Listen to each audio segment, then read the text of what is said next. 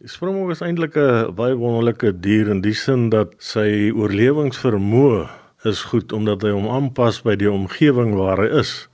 Kyk na sy kleurskakerings, dan is dit ook daar met 'n doel dat hy die donker deur kleur aan die bokant het en die ligte kleur aan die onderkant van sy lyf. Maar dis ook 'n 'n bok wat relatief minder water gebruik.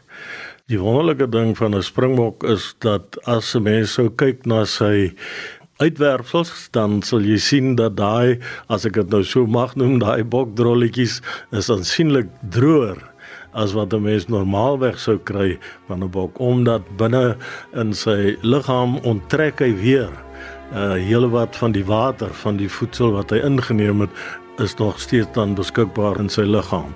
En dan natuurlik die feit dat hy 'n redelike spoed kan handhaaf om van sy vyande ontslae te raak. Uh ongelukkig is dit ook so dat die mens 'n projektiel ontwikkel het, 'n geweer, 'n koel wat 'n bietjie vinniger hardloop as die springbok. Hier kom die bokke. Julian Tron se bokke. 'n Voorbeeld op RSG, saamgestel deur Johan Rademan.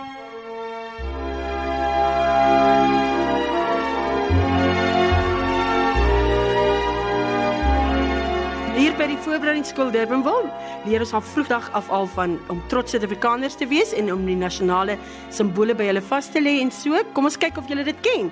Die nasionale blom van Suid-Afrika is Die koningsprotea. wonderlik. Die koningsprotea is die nasionale blom en die nasionale boom Natuurlik, die geelhoutboom is die nasionale boom van Suid-Afrika. En die nasionale voël? Pragtig. Die blou kraanvoël is die nasionale voël van Suid-Afrika. Wat sal die nasionale vis wees? Absoluut, die galjoen is die nasionale vis van Suid-Afrika. En nou laastens, nou bly daar nog een simbool oor. Wat is die nasionale dier van Suid-Afrika?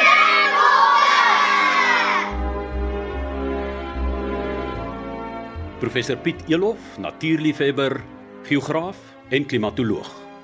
1972 het ek 'n onderwyspos gekry by Paul Roos Gimnasium op Stellenbosch en ek was ook verantwoordelik vir die afrigting van die onder 14 rugbyspan 1973 het die skoolhoof Paul Roos eerste span aan my toevertrou. Nou Julian Tron was een van daai mannetjies wat ek in my eerste span met oop arms ontvang het in die sin dat hy uitstekende balvernuf gehad het. Hy was skerp op senter het hy vir my gespeel. En uh, ongelukkig het ek in die middel van 1974 'n pos by die universiteit aanvaar en het ons paie daar geskei. En op 'n dag het ek in 'n jagtydskrif 'n foto gesien van 'n persoon wat springbokke deel en mee boer en net die wyse waarop hy gestaan het, sy liggaamshouding het vir my gesê maar hierdie mannetjie ken ek. En ek het hom geskakel en gevra of dit dan nou Julian Tron van Paul Roos is en hy sê ja. Ek vra vir hom toe 'n tweede vraag of dit Julian Tron is wat onder 19A rugby gespeel het. Ja, hy sê toe wie praat nou? Ek sê vir hom dis jou coach. Hy sê o, Piet Borselbeck. Nee, kyk, daai jare was daar geen waarde in 'n springbok nie. Geen kommersiële waarde vir 'n springbok nie. En toe ek nou begin teel, toe dink die mense dis sommer snaaksigheid of as 'n grap. Die man probeer springbokke teel. Maar hoe meer dit ontwikkel het, hoe meer belangstelling daar ingekom. En nou is daar sommer 'n hele klomp mense wat al met springbokke boer. Ek het probeer die grootte van lyf terugbring en uh, grootte van horings terugbring uh, in die troppe in en natuurlik ook met 'n makkerbok probeer boer.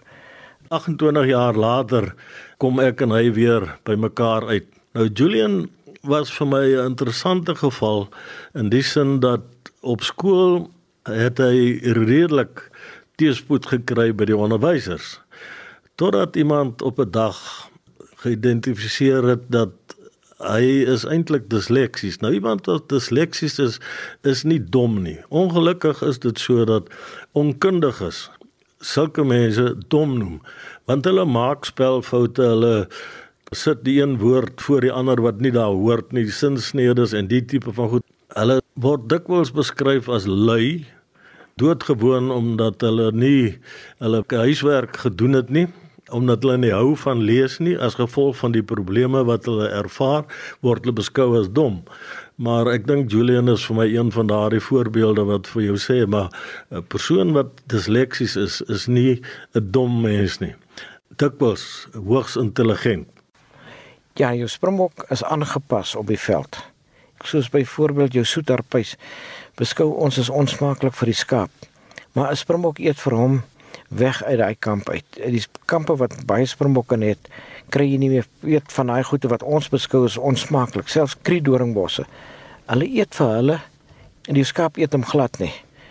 So ek ek wil vir jou sê hy's meer aangepas. Hy eet 'n breër spekter, maar binne die veld beter en ek wil amper vir sê jy kan meer springbokke per hektaar aanhou as wat jy kan skaap aanhou. Maar in die verlede in hou jy die paar springbokke op die buiteveld aan en jy hou jou skaap in die leegte veld en jou goeie veld aan. En as dit goed kom reën, dan jy nog die skaap ook in die springbokkamp in om die goeie veld te spaar. En dan sê jy dis die springbokke wat die veld opgeëet het. Minstens is dit jy in die skaap wat die veld mishandel het. Das te min kennis van springbokke en is gesê hy eet minder, hy's meer aangepas en is 'n beter vleis. Daar is 'n plek in die mark vir springbokke. Ons hoop nou net daai dag kom wat weet ons eie waardes van hom kan sien. En dit is daar wat ek gesien het wat Julian of dit nou disleksie is of nie, feit van die saak is hierdie ouetjie is skerp ook met sy wild wat hy teel. En hy is skerp in die sin dat hy sy veld ken wil ek amper sê holte en duitjie en bultjie op die veld geken het, die plante groei geken het. En dit is myns insiens een van die redes waarom hy die beste kampe uitgesoek het waar hy sy teeltroppe ingesit het.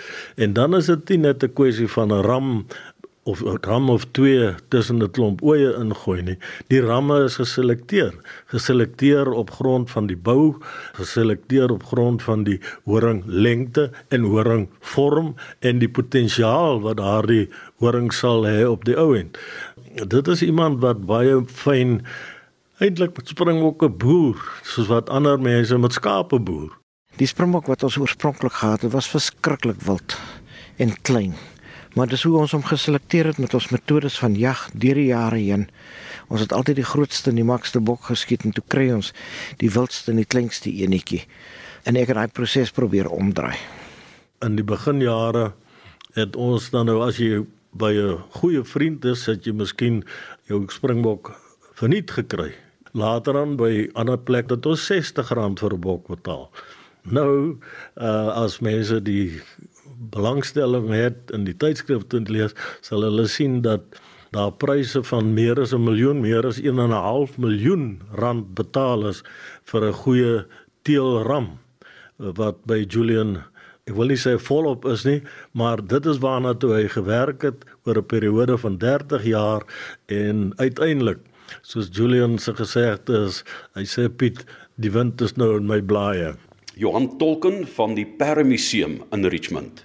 Johan, ja, ek dink jy sal glo wat in die uh, 16 en 1700 gebeur, selfs die 1800 gebeur met die oorvloei van springbokke wat deur hierdie Karoo getrek het nie. Daar was opnames gemaak vanaf 1683 regdeur tot 1990.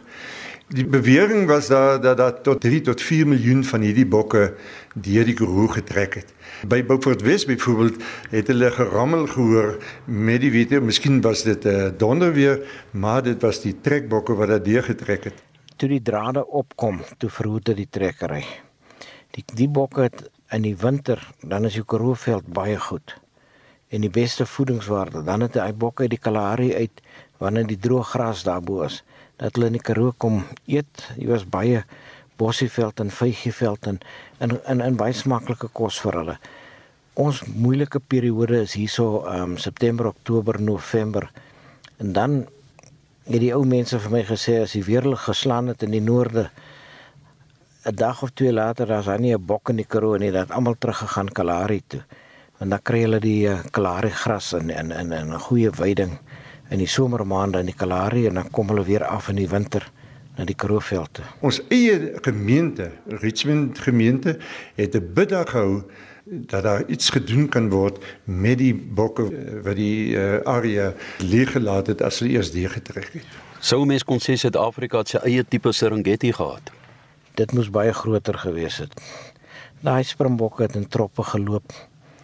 Hulle het gesê 50 myl lank en omtrent so 5 myl breed het hulle getrek hier op en af. Dit moes duisende der duisende bokke gewees wat op en af getrek het. Hulle beweer dat die stof nadat die bokke diere dorp getrek het, 2 tot 3 ure geneem het net om te gaan soek. Kyk as hy bokke daai groot trekke verbygegaan het. Dan vat dit omtrent 3 dae om verby te trek daai klomp bokke.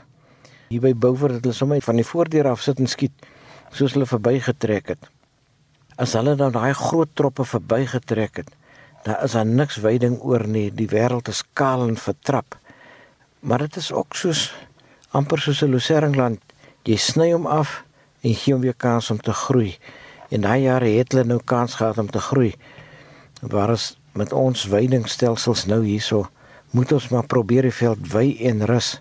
Dit is 'n gedagte van hy kort sny in in wat se naam. So daai jare was dit baie goed vir die Karoo gewees. Alhoewel die man wat nou daai jare hier geboer het, het gedink jene as al ons weiding is nou weg. Uh, ons gaan nou swaar somer gaan en dit kan moontlik so wees. Maar dit is goed vir die veld en in destyds en dis ook van die drukbeweidingstelsel het dit goed gewerk vir die Karoo destyds. Dit was nie 'n sprinkaan plaagie. Nee, maar wie sprinkaan is ook nie so sleg nie. Want die sprinkaan as hy verbygegaan is nou alles opgeëet met daai lê vreeslik baie humus. En as dit reën, dan is dit amper of die wêreld bevrug is en uh, bemesting gegooi is en uh, hy groei weer baie goed. Maar dan weet jy weet jy het nie kos dan nie.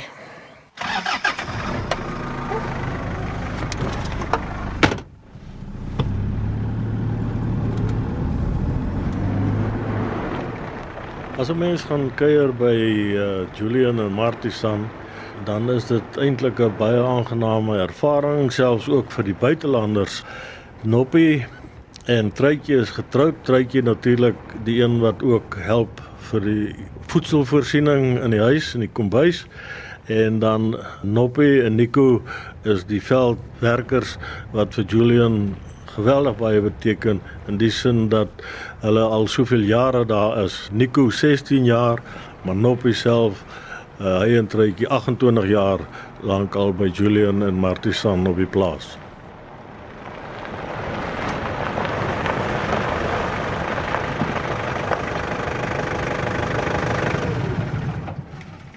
Nou vir ons wat nou nie aldag tussen hulle beweeg nie, Nico, as ons hier kom is dit 'n ongelooflike ding om te sien. Ja, ek kan sien haar kom van ons ram. Kyk net saam met haar kom ram, is 'n damara ram. Hy sal ons definitief hou vir 'n teelram van uit die mooi shape van terugdry. Jy kyk altyd jou horings op die basis as 'n jonk is as kom hy soos die jong ram voor ons uit. Hy's blou en grys. En as hy nie meer groei nie, 'n kompressie. Soos daai ram sal 'n bietjie kompres, hy sal ouer ter as die ramme is. Die teenoorgestel van hierdie springbokke, hulle se liggaamstelsels moet jy kyk. Die witte en die swarte het 'n kleiner lyf in die koper. Maar om Julian het nou so goed geteel dat hy 'n groter koper lyf ook nou in die in het. As wat die swart en die witte is nog 'n kleiner lyfie teenoor dit. Ja, kyk, 'n springbok Jy meet hom soos hulle gesê het die gesigslyn, soos jy hom van voor af sien met jou meet. Maar ons gebruik meestal 'n kabeltjie en hou ons hom in die middel van die horing soos wat jy hom kan sien. Daar's ook 'n groeilyn wat jy kan volg. En ehm um, na die tyd as jy nou die kabeltjie se totale lengte het, dan vat jy die maatband en jy meet hom. En baie keer as jy met 'n maatband meet, dan druk jy hom nog so tussen die riwe in en kry jy nog so 'n bietjie meer lengte en ek meen dis aanvaarbaar. So die standaard is maar met 'n kabeltjie van voor af. Ek gesels nou met Noppie of Philan Pieter se dis sy wêreld hier. Hy's 28 jaar al tussen die springbokke werksaam en watter bossies is hulle lief vir? Wat eet hulle graag Noppie? Die gewoonlike op die bossie wat hulle aan pesel is die karoo bossie en die gras. Dis ou waar hulle En die kapokbos, dis waar hulle hulle se voeding kry. En dis hulle se botter en brood soos in hierdie droë Karoo soos dit nou is, is dit vreeslik droog. Ons eh, wat nou van die stad af kom, ons kyk altyd na die Springbok en ons dink aan die rugby span en baie mense in die jagbedryf, dis baie lief om Springbok te jag. Jy werk elke dag met hierdie diere. Is hulle vir jou mooi? Dis 'n baie mooi uh, tipe dier vir my. En ek hou van hulle soos ons as hulle nou het, het ons byna die Grand Slam, ons het die wit, die swart, die common en die koperbok hierso. En dis vir my 'n fantastiese dier. Wat is die mooiste een vir jou? Die mooiste bok hier is vir my die die koperbok. En selfs die wit is die een wat op die verste reg staan is puurwit.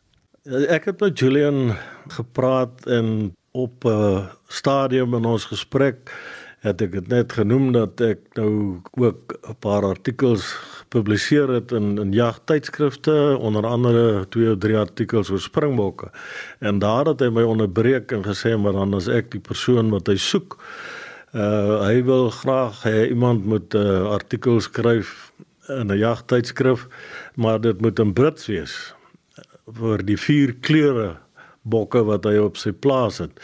Ek dink sy gedagte was omdat hierdie tydskrifte ook dikwels oor see beskikbaar is veral in Amerika uh, en hy wou gehad dat die mense moet kan lees oor die vier kleure springbokke. Ek het 'n uh, eh, bietjie nagelees en artikel geskryf oor die vier kleure springbokke en daardie artikel is geplaas onder die, die titel van Game Set Match en Hulle is natuurlik lief om te praat van die Grand Slam. Wanneer hulle nou nog die ander kleurbokke ook nog by het, weet ek nie wat die Amerikaners dit gaan noem nie. En die ou sanmense het ek gesien in hulle rotstekening het hulle baie die springbok gebruik, né? Hulle die springbok, die die eland en die en die kameelperd.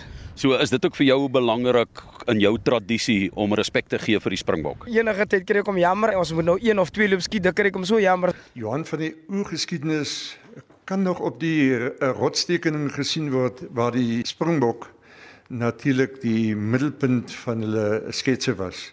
Die son het 'n groot rol gespeel nie net met rotstekeninge nie, maar ook die jag van springbokke in daai tyd wat natuurlik gebruik was vir hulle om te eet, natuurlik die vleis en natuurlik die velle wat gebruik is vir hulle eie klere wat hulle gedra het. Springbokvleis reg voorberei is van die lekkerste vleis wat jy kan eet en ook van die heel gesondste vleis wat jy kan eet want daar is niks groeihormone en ehm um, doseermiddels en uh al daai inspuitings en goede wat hy gehad het, dit is geskrikkelike gesonde vleis. Ek voorsien dat as hy reg bemark is en hy's reg voorberei, sal daar 'n baie goeie mark vir hom is. Springbokvleis is baie lekker. Uh, maar nou gesê dit dan moet dit reg behandel word. Martisan Tron, die springbok is ons nasionale simbool en jy moes dit seker in jou onderwys daar baie aan jong mense oordra. Ja, Johan, nooit geweet dit gaan eendag die ding wees waarom ons hele lewens draai nie. Vir baie mense is die springbok uh behalwe dat dit die embleem van ons land is en dat ons rugby spelers springbokke is, is daar baie jagters wat baie graag 'n springbok sal kan plat trek in in die pot sit of biltong eet. Maar vir ons is dit baie meer as net jag. Vir ons het dit die wêreld oopgemaak. Vir my, vir Julian, vir die kinders wat ons ook kon plaas toe laat kom, vir al die werkers op die plaas, vir vrouens wat andersins nie sou gewerk het op 'n plaas nie, het ons in hoogseisoen tot 13 vrouens wat vir ons werk en dis vir almal brood en water en 'n ongelooflike uh, voorreg wat ons glad nie as vanselfsprekend aanvaar nie. Truitjie Pieter se werk baie met springbok vleis en ek gesels met haar hier in die kombuis van Jules of the Karoo en hier voor ons het jy nou met springbok lewer gewerk maar mens kan nie sommer die lewer net so vat en braai nie. Ja, glad nie. Jy al eers die velletjie af en dan sny jy hom in reepies. Ek maak eers die eitjie en dan die sampioentjie in die pan en dan maak ek dit so gaar. As jy met wildsvleis werk en met springbokvleis werk, wat se goed moet jy in gedagte hou as jy met daai vleis werk om dit lekker sag en geurvol te maak? ek is goeie balsamic in en 'n goeie woestersous oor en Ek gooi die die breisoutjie in. Is dit wat ek ingooi? So daar's niks ander triks wat mense hoef te doen nie om die lekkerste uit springbokvleis uit te kry. Moet jy dit eenvoudig hou. Nee, jy kan nog pastei ook daar uitmaak. Jy kan jou duidings meng. Jy vat 'n bietjie balsamic, jy vat 'n bietjie bladjang en jy vat 'n bietjie bruin eie soppoeier en jy meng hom en dan gooi jy dit as jy die vleisie klaar afgekook het, jy kook die vleisie eers af en dan gooi jy dit oor. En wat sê die mense wat hier kom eet vir al die mense van die buiteland? Ek dink gaan vra maar vir hulle self wat sê hulle. Ons gebruik elke deeltjie van die springbok, sy vel, sy vleis, uh, die bene as ons klaar vleis verwerk het, is die bene is nooit heeltemal kaal nie. Ons neem al ons ekstra vleis en benevleis na 'n houpprojek in Richmond wat weer party daar tot 200 kinders by 'n voedselskema projek voed. Uh so ja, regtig waar in die breë maak die jagindustrie en die verwerking van vleis nuwe wêrelde vir ons oop in 'n andersins wêreld wat ver weg is van alles. Ons is 60 km grondpad van 'n naaste dorp, maar hier werk 'n klomp mans en klomp vrouens saam. Vertel ons van die rekordpryse wat al behaal is in Suid-Afrika met uh, wildveilings en springbokke. Wat springbokke aanbetref is die uh,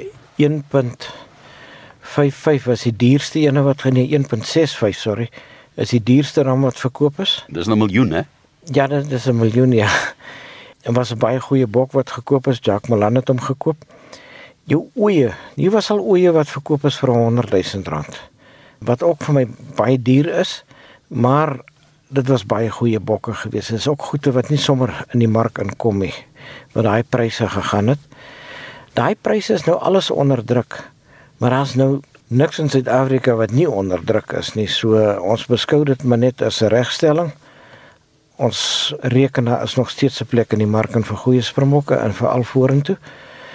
Ehm um, ons moet maar nou net deur hierdie fase gaan wat nou regstelling fase is. Pieten, dit moes jou ongelooflik trots gemaak het as oud afrigter en onderwyser van Julian Tron toe hy die groot prestasies behaal het. Dit is uh iets waarna enige jong mens of jong boer na kan strewe waarmee hy ook al besig is of dit nou skaapboerdery is of springbokboerdery om hierdie tipe van rekords te behaal met sy teelbokke wat hy het.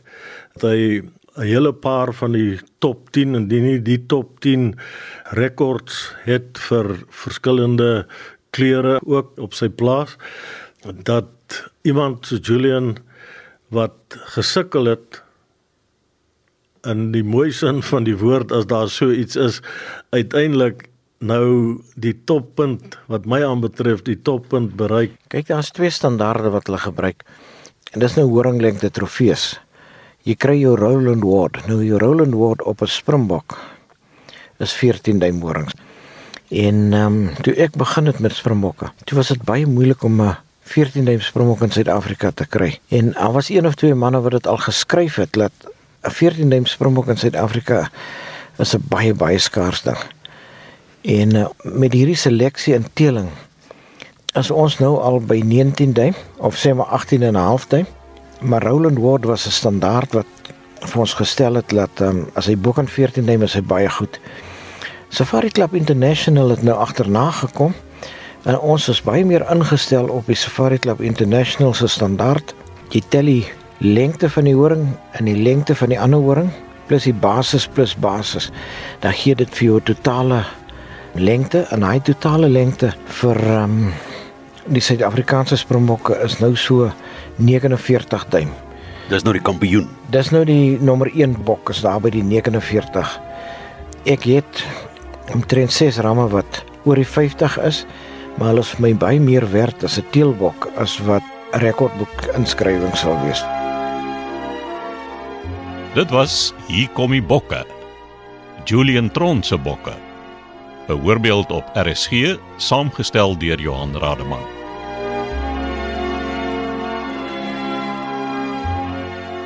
Is dit nie ironies dat iemand soos Julian Tron uit Poroos uitkom waar ons Springbok kaptein in 1906 Paul Roos wat ook later rektor was van die skool dat hulle deur daardie span van Paul Roos wat oorsee gegaan het getoer het juis hierdie Springbok gekies het as embleem wat later jare uh, al ons sportspanne se embleem was die Springbok gewees tot 1994 toe dinge so bietjie verander. En so het uh, Julian dan in sy beplanning en sy teel van bokke en sy teelprogram die springbok wil ek amper sê weer verhef tot daardie boonste vlak van springbokke in ons land.